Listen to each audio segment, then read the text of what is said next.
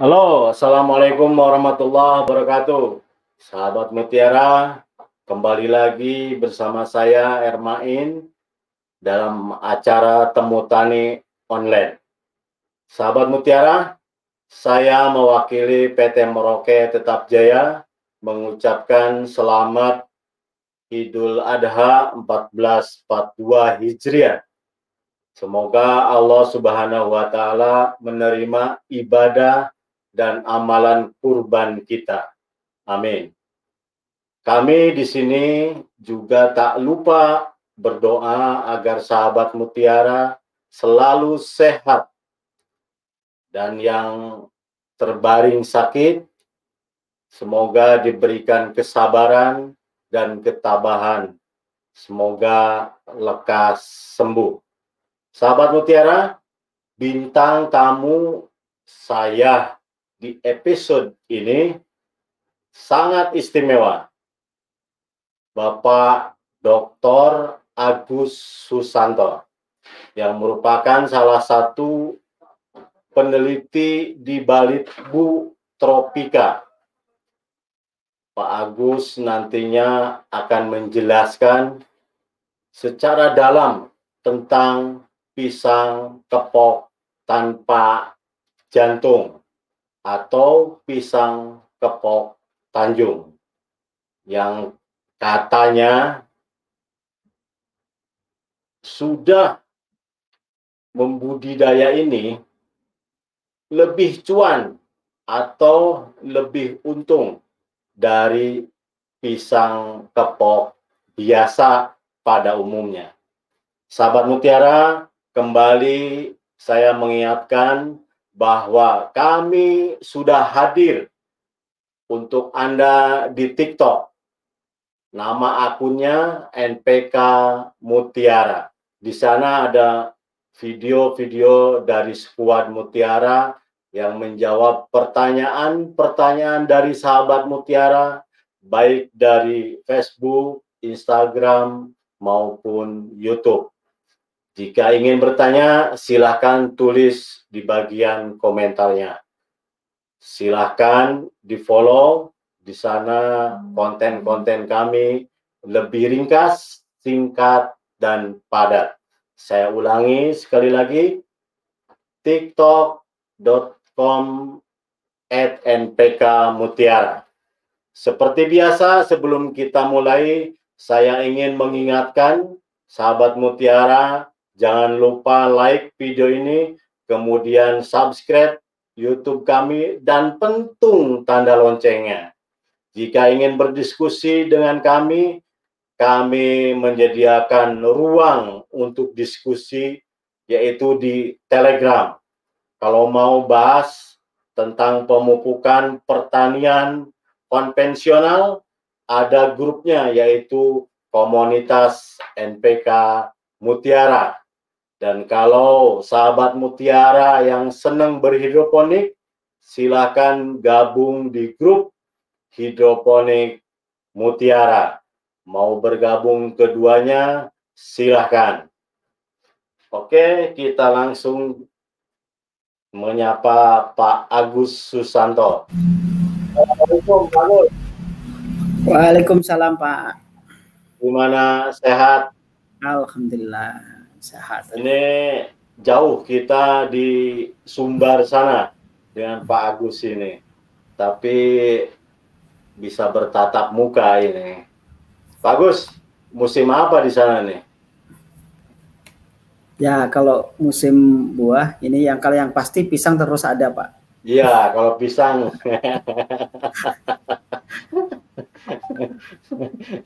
kalau rambutan masih kecil-kecil, Pak. Oke. Pisang Tanjung. Ini nanti kita akan dengar uh, pemaparan dari Pak Agus mengenai pisang Tanjung. Nanti kita ada dua sesi, Pak Agus.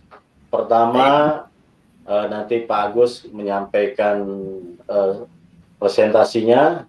Setelah itu ya mungkin ngobrol-ngobrol dengan saya bentar dan nanti ada tanya uh, apa pertanyaan menjawab pertanyaan dari sahabat Mutiara Pak Agus.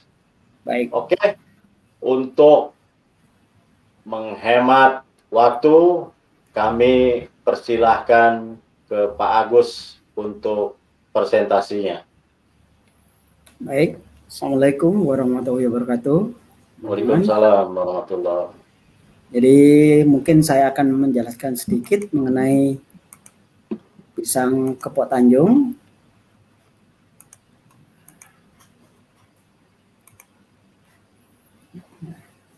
sudah nampak ya. Jadi ini adalah uh, kami akan membahas sedikit mengenai pisang Kepot Tanjung. Jadi Kepot Tanjung itu Tanjung itu bukan nama ini ya, bukan nama marga, bukan nama orang. Ini hanya singkatan dari tanpa jantung. Jadi kenapa dinamakan tanpa jantung? Jadi bukan berarti pisangnya ini nggak bisa berbuah ya, karena begitu keluar kan ada jantung dia itu sebenarnya itu sebelah bunga yang bentuknya seperti jantung maksudnya jantung yang di sini ini adalah tanpa jantung ini adalah tanpa menyisakan jantung jadi kalau pada umumnya uh, buah pisang tanaman pisang kalau udah berbuah nah itu terakhir ada buahnya sudah nggak bertambah terus akan akan tersisa jantung. Nah untuk pisang kepo ini seperti pisang tanduk. Tanduk biar ya atau atau pisang agung ya. Jadi jantungnya habis, habis semua menjadi buah. Jadi sebenarnya uh, mungkin saya akan menjelaskan jadi kondisi perpisahan kita. Uh, ada dua penyakit utama yang menjadi momok untuk perpisahan di Indonesia, bukan hanya Indonesia tetapi juga di dunia yaitu penyakit layu fusarium dan penyakit layu bakteri. Kalau penyakit layu fusarium, fusarium ini disebabkan oleh cendawan fusarium yang ada di dalam tanah. Dia akan menyerang dari akar kemudian bonggol kemudian apa uh, naik ke daun sehingga daun jadi kuning dan kering dan layu. Kalau sudah tertular penyakit ini tanaman tidak akan bisa berbuah jadi penularannya ini lebih ke tanah di tanah ya. Dan melalui tanah kemudian melalui pengairan melalui peralatan yang digunakan oleh petani. Itu bisa menyebar ke mana-mana. Juga melalui apa tanah yang melengket pada uh, alas kaki. Atau itu bisa terbawa ke mana-mana. Kalau misalnya mengandung cendawan fusarium dia akan berkembang di lokasi yang baru. Jadi untuk apa pengendaliannya bisa menggunakan benih yang bebas penyakit atau bebas fusarium biasanya kalau kalau apa bakteri dan penyakit cendawan atau jamur ini menggunakan benih hasil perbanyakan kultur jaringan. Ada juga yang menggunakan apa uh, agensi hayati seperti trichoderma itu bisa untuk melawan fusarium.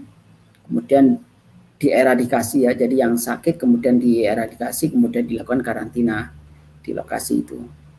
Bisa dengan membakar apa dibuat lubang kemudian di bekas dari tanamannya sakit dibuat lubang kemudian dikasih jerami apa bukan jerami apa dikasih sekam, kemudian dibakar sehingga uh, apinya tidak langsung habis tetapi pelan-pelan menimbulkan panas di areal perakaran. Ini bisa membunuh cendawan. Kemudian bisa juga menggunakan apa pisang-pisang yang uh, toleran ke fusarium. Salah satu yang toleran adalah pisang kepok. Pisang kepok termasuk yang toleran terhadap penyakit fusarium, layu fusarium. Namun demikian, ada satu penyakit lagi yang pisang kepo adalah sasaran empuk dari penyakit tersebut, ada penyakit layu bakteri. Nah, ini adalah disebabkan oleh bakteri. Ini bergeraknya atau penularannya secara alami itu di atas tanam di atas tanah. Jadi dibawa oleh serangga-serangga yang mengunjungi jantung, mengunjungi bunga. Nah, bunga pisang itu adalah jantung. Jantung adalah sebenarnya bunga dari tanaman pisang. Nah, serangga datang untuk mengunjungi bunga, pada saat yang sama uh, serangga itu akan menyebarkan apa penyakit layu bakteri kalau memang dia uh, habis singgap di namanya sakit. Ya, jadi makanya kadang kita melihat kalau tanaman itu baru pertama kali terserang, biasanya daunnya masih hijau, buahnya juga nampak bagus, tetapi ketika dipotong, uh, itu dalamnya busuk. Jadi ada warna coklat, warna hitam, semua buah warna, warnanya menjadi apa uh, busuk, menjadi busuk. Jadi tidak bisa dikonsumsi. Ini adalah penyakit uh, layu bakteri. Jadi kalau uh, selain oleh serangga secara alami, penyakit ini juga bisa ditularkan oleh aktivitas dari petani. Uh, misalkan apa uh, bibitnya dari tanaman sakit itu bisa menyebar ke ke lokasi yang baru, kemudian peralatan yang habis motong, misalkan habis motong tanaman yang sakit, membuang tanaman sakit, kemudian dipakai untuk memotong jantung atau memotong membuang daun dari tanaman yang masih sehat. Nah, ini apa uh, bakteri ini bisa masuk ke dalam tanaman yang sehat sehingga tanaman akan tertular. Bisa juga disebabkan oleh apa hama serangga uh, seperti penggerek batang. Dia habis apa uh, tinggal di tanaman yang sakit kemudian terbang hingga di tanaman yang sehat. Nah, ini akan apa uh, menularkan penyakit juga. Ya, kebetulan jenis pisang kepo ini adalah pisang yang paling rentan terhadap uh, penyakit layu bakteri atau disebut juga penyakit darah. Kalau orang mungkin kenalnya penyakit darah ya. Cara pengendalian ini menggunakan apa uh, penyayang bebas penyakit biasanya yang yang kalau cendawan dan bakteri ini hasil kultur jaringan karena di proses produksi kultur jaringan ini kalau ada bakteri atau cendawan atau jamur dia akan muncul tapi kalau sampai terakhir itu tidak ada bakteri muncul bakteri atau cendawan berarti artinya tanaman itu sehat dari apa bebas dari fusarium dan bakteri. Kemudian bisa juga dengan membungkus atau membrongsong ya eh, tandan. Jadi begitu jantung keluar langsung dibrongsong tetapi bawahnya tidak usah diikat supaya tidak panas. Nah ini untuk menghindari supaya serangga tidak mendekati ini apa eh, jantung Nah, begitu buah sudah tidak bertambah lagi, segera sesegera mungkin jantungnya dibuang untuk memperkecil peluang serangga hikap di jantungnya. Nah, untuk membuangnya sebaiknya menggunakan galah, jadi dipelintir aja supaya patah. Karena kalau menggunakan pisau, nah khawatirnya pisaunya habis dipakai untuk memotong tanaman yang sakit. Nah, selain itu juga parang yang digunakan itu sebaiknya parang yang memang apa tidak tercampur antara parang yang yang dipakai untuk membuang tanaman sakit dengan parang yang dipakai untuk apa uh, membuang daun atau jantung apa atau mungkin panen di tanaman yang sehat harusnya terpisah. Nah, kemudian dengan menggunakan tanaman yang tanpa jantung salah satunya adalah pisang kepok Tanjung ini. Uh, inilah apa uh, salah satu tujuannya uh, kenapa atau bedanya antara kepok Tanjung dan kepok biasa. Uh, yang utamanya adalah untuk pengendalian penyakit layu bakteri. Kalau pisang kepok biasa, kalau jantungnya tidak segera dibuang, misalkan buahnya sudah habis, jantungnya tidak segera dibuang, tangkai jantung itu bisa sampai panjang, ini akan membuka peluang serangga hinggap di jantungnya, kemudian masukkan penyakit layu bakteri. Tetapi kalau pisang kepok Tanjung karena jantungnya habis, jadi tidak ada bunga tersisa. Nah ini akan mengurangi peluang serangga itu hinggap di uh, di tanaman di buahnya. Makanya kenapa ini bisa dipakai untuk strategi pengendalian layu bakteri. Nah kalau misalkan apa uh, yang terserang berkurang sehingga bisa meningkatkan produksi per hektarnya.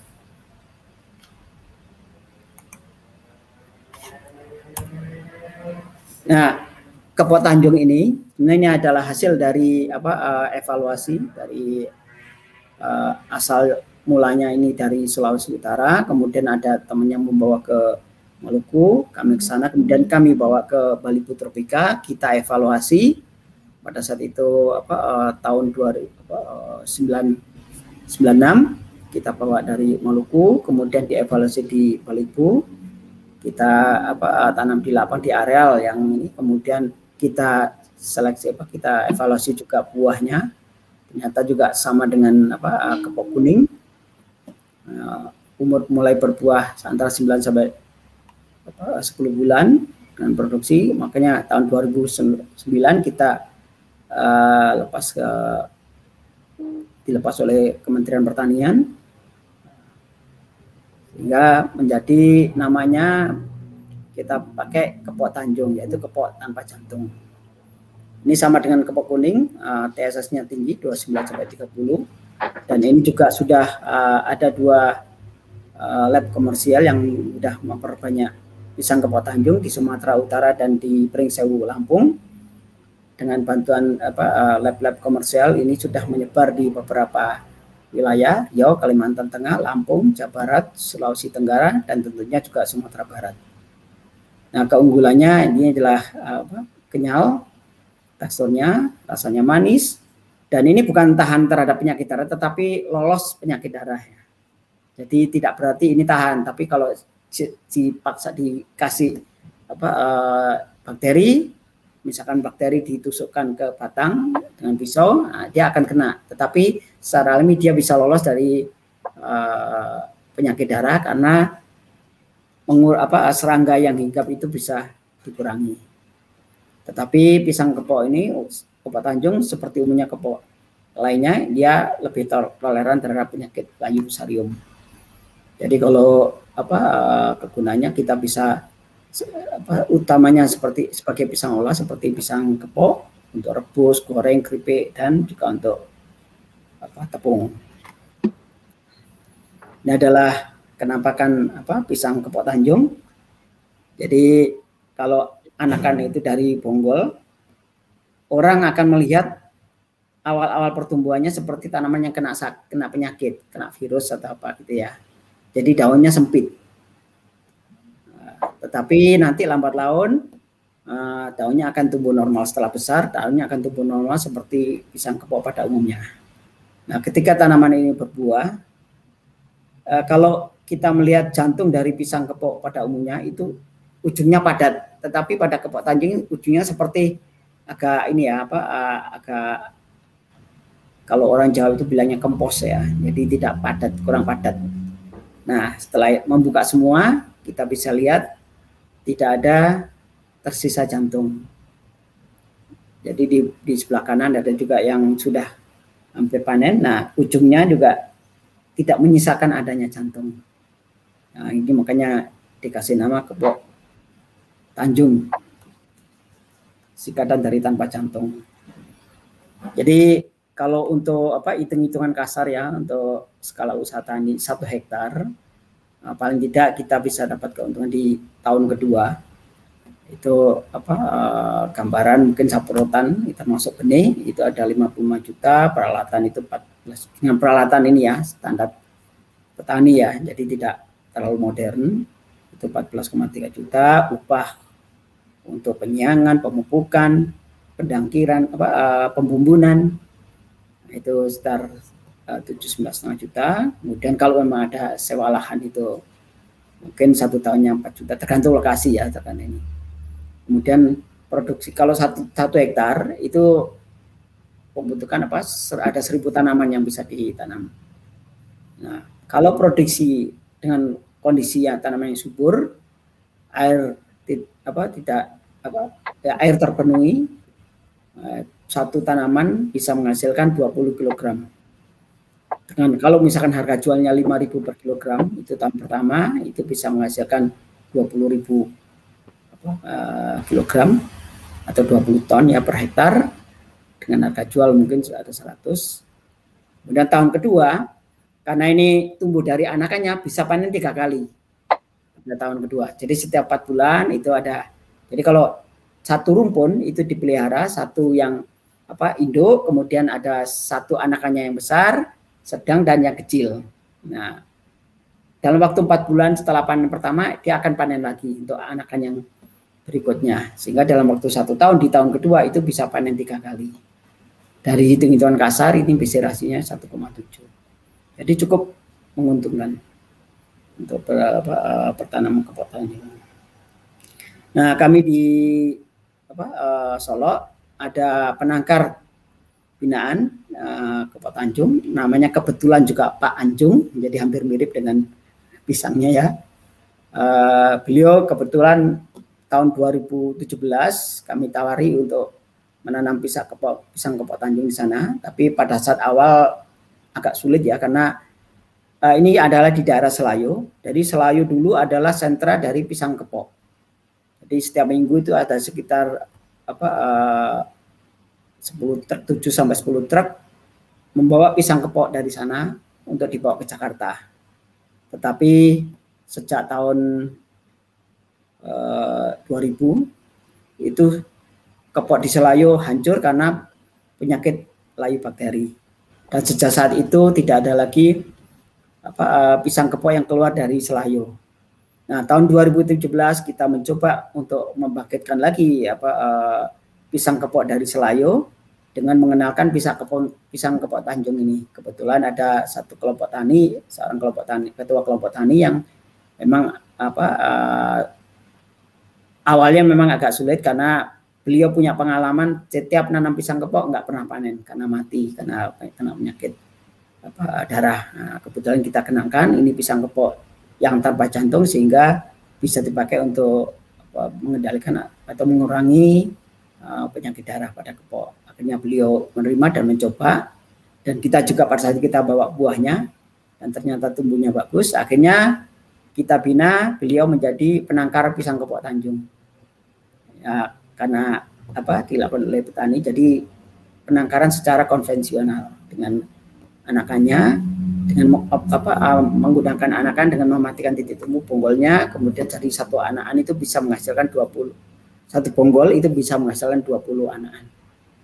Nah, sampai sekarang juga udah apa uh, banyak memenuhi pesanan baik di apa uh, Sumatera Barat ataupun di luar. Uh, mungkin eh, ini sekian untuk untuk apa pendahuluan saya mengenai pisang kebot Tanjung. Oke, Pak Agus, terima kasih. Wah, ternyata memang sebenarnya yang yang susah itu dua penyakit ini ya, Pak. Pak Agus, iya, ya? betul, Pak. Itu yang menjadi momok ya. Iya, ada satu lagi yang itu mudah ya bagus. Iya. Yang jadi yang jadi momok ini hanya dua penyakit inilah. Kalau Oke, dulu bagus. mungkin ini Pak, dulu dibuang ah. aja mungkin udah tumbuh ya. Nah, sekarang nggak bisa seperti itu, harus dirawat. Biasa bagus kalau tanaman yang dirawat, biasanya itu rewel bagus. Iya. Beda dengan yang liar-liar gitu. Iya, betul Pak. Oke Pak Gus, uh, kita akan rehat sejenak. Nanti kita akan diskusi lagi sambil uh, menjawab pertanyaan-pertanyaan dari sahabat Putiara. Monggo. like that.